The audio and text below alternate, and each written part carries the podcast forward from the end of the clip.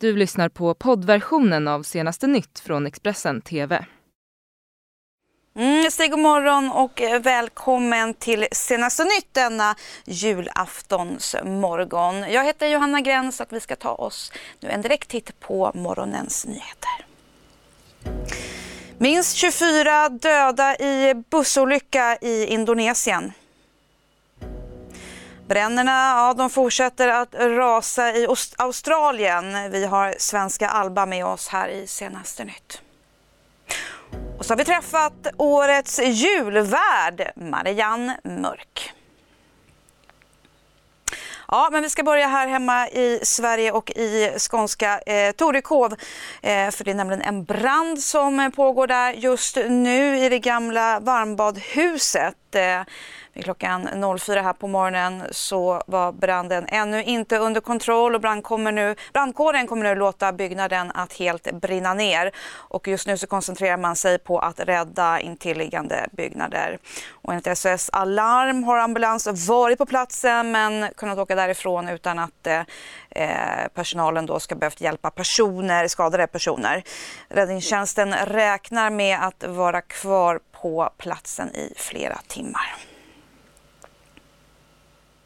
Ja, vi går utrikes och vi ska hålla oss till bränder för där har ju eh, bränder rasat i hela eh, två månader runt om eh, i landet. Och eh, Australiens premiärminister Scott Morrison han har nu fått mycket kritik kring sin hantering av de här bränderna.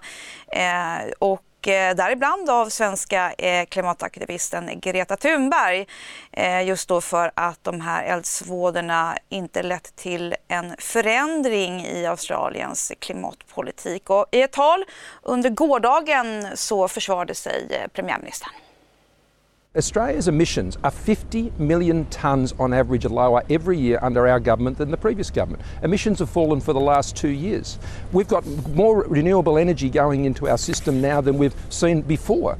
Um, we have the policies and plans to not only meet and beat our Kyoto commitments, um, which fall due next year, but also we will meet, and I, I believe we will be able to beat our Paris commitments as well. Australia is taking action on climate change. What we won't do is engage in reckless and job destroying and economy crunching targets, which is being seeking to be postured to us at the moment, taking advantage of natural disasters because no Australian would think that the direct policies of any single government in the world is directly linked to any fire of event. Course. That's not true. Of course. And, and the challenge of global the challenge of climate change has not changed since May.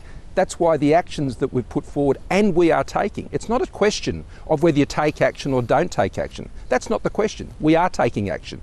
The question is, do you engage in reckless targets which take people's jobs, or do you take the responsible path as we have and as I took to the election to ensure that we do take the appropriate action in Australia's interests? Mm. Vi har nu med oss svenska Alba Olander som bor i Sydney. God morgon Alba. Eh, berätta hur ser läget ut idag? Är det mycket eh, rök och dimma? Jag vet att det var mycket problem med det tidigare. Idag är det ganska lugnt. Dimman och röken har lagt sig och just nu så regnar det faktiskt. Så det är väldigt... Och jag är ju bosatt i Sydney, så regn här. Ja, eh, och eh, som sagt, eh, det har ju varit eh, mycket oro och så vidare. Har det nu lagt sig då lite i Sydney bland annat då när eh, regnet har kommit? Lite grann. Ehm, men det har bara regnat en liten stund, inte tillräckligt. Vissa dagar är värre, eh, men den senaste veckan har, det varit ganska lugnt. De tidigare dagarna har det, de tidigare veckorna har varit orange, man har inte kunnat se fem meter framför sig. Men den här veckan är det lite bättre. Men man känner fortfarande röklukten och det är väldigt läskigt. Mm. Är, är känslan att faran är över eller kan du beskriva? Nej, Eh, jag håller mig fortfarande inne i Sydney, Sydney City. Jag skulle inte vilja bege mig ut längre ut i förorterna, för där är det värre. Ehm, myndigheterna de säger att man, om man har astma så ska man stanna inne. Och jag blir andfådd i trappor väldigt, väldigt lätt. Det brukar jag inte bli, men röken verkligen kommer in. Man får ont i halsen ibland. Så jag kör vissa dagar när det är väldigt, väldigt rökigt, då stannar jag inne. Och vissa dagar när det är bättre, då passar jag på att ge mig ut till mataffären eller till skolan. Och där. Mm. Hur är informationen då från myndigheter och så vidare? Har den fungerat tycker du? Men den har fungerat bra. Jag håller mig uppdaterad på hemsidan, Australiens myndighetshemsida, där man kan följa bränderna och de senaste nyheterna och vart de befinner sig. Och sen så är det mycket att man pratar med varandra helt enkelt. Oj, du, det är rökigt där du bor eller oj, du såg att någon postade på Facebook att dina grannar, det brinner där borta. Mm. Det är julafton även i Sydney. Du har på dig en fin tomteluva. Berätta, hur ska du fira din julafton eh, där du bor? Julafton är snart över för mig faktiskt, men den spenderas på Bondi Beach med en väninna. Så mycket bad och vi köpte lite julmust på Ikea igår. Så det är trevligt. Mm. Härligt och tack så jättemycket Alba för att du kunde vara med oss och berätta hur läget ser ut nu alltså i Australien. Eh, vi ska gå vidare men vi ska hålla oss fortfarande till klimatet. Eh, det är ju nämligen så att här på Expressen så satsar vi hårt eh, på vår klimatbevakning och när det just då handlar om eh, miljön så är det oftast nyheter då som uppmärksammar de problem som påverkar eh, vår omgivning och miljön. Men det sker också positiva framsteg och jag tänkte vi skulle ta en titt på några. Klimatet har stått på agendan mer än någonsin under det senaste året och trots att det oftast handlar om miljöproblem eller olika larmrapporter så finns det en del positiva klimatnyheter. Här är sex viktiga händelser som ger lite hopp inför framtiden. Efter många års hot, bland annat på grund av all plast i haven, så är nu havssköldpaddorna på frammarsch igen. Nu ökar populationen med 980 procent tack vare en omfattande amerikansk miljöstiftning. Risodling kan vara en riktig klimatbov och det används ofta kemiska bekämpningsmedel för att hålla skadedjur borta. Men nu har risbönder och forskare världen över samarbetat och kommit fram till att frigående ankor istället kan hjälpa till att hålla skadedjuren borta. Greta Thunbergs strejkande har fått enormt genomslag och haft en stor betydelse för att klimatfrågan ligger så pass högt på dagordningen. Nyligen utsåg den svenska klimataktivisten till årets person av Time Magazine. Användningen av fossila oljeprodukter i det svenska energisystemet minskar. Främsta skälet är att transportsektorn har dragit ner på fossila drivmedel. Den vita noshörningen har ansetts vara helt utdöd i det vilda men nu har man lyckats befrukta sju ägg från de sista två individerna. Och det kan komma att rädda arten. Nederländerna hör till världens tätaste befolkade länder och bebyggelsen hotar naturen. Men nu har man anlagt fem konstgjorda holmar som gett plats för 30 000 fåglar och 127 växtarter. Dessutom har en ny konstgjord sjö hjälpt djur och växtliv att återhämta sig. Ja, det är mycket vi behöver jobba på fortfarande men det är skönt att några saker går framåt.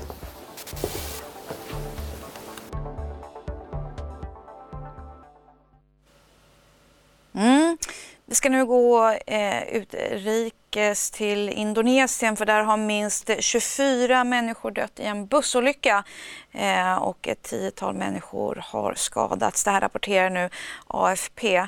Olyckan den inträffade när en buss for av vägen och störtade 150 meter ner i en ravin. Det här skedde i provinsen Sumatra Selatan. Då tar vi oss tillbaka hem till Sverige och Eh, vi kan ju berätta då att mer än, miljo, mer än en miljon läsare ska jag säga eh, var tidningen Metro rena sedelpressen eh, för ägarna Kinnevik. Men sen våren så har ju allting eh, gått brant neråt för bolaget och nu kommer beskedet att de begärs i konkurs av en tidigare anställd. Metro Media House är på väg mot det definitiva slutet. Ägaren norrmannen Christian Ager Hansen spådde tidigare att företagets sajt metro.se skulle blomstra på nytt, men utan journalister. Men bolaget begärs nu i konkurs av en tidigare anställd. Det är en av Metros tidigare journalister som via sitt juridiska ombud gått till Stockholms tingsrätt och begärt ut konkursen.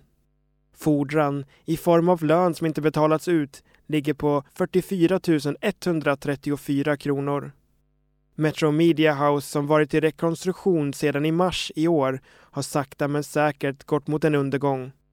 Först försvann den dagliga gratistidningen, sedan uppstod papperstidningen i form av ett veckomagasin som delades ut till hushållen i vissa Stockholmsområden under några veckor för att sedan läggas ner. Sajten metro.se fortsatte en tid innan den också försvann och är idag släckt. Metros skatteskulder ligger idag på närmare 14 miljoner kronor och samtidigt dras Christer Arger Hansen in i flera skuldhärvor. Kronofogden har efter flera tillslag meddelat Skatteverket om att företaget inte har några pengar eller andra tillgångar för att betala sina skulder och Skatteverkets svar väntas komma inom några veckor. Då tros de gå in med en egen konkursansökan. Expressen har sökt Christer Agger-Hansen. Han har dock inte återkommit.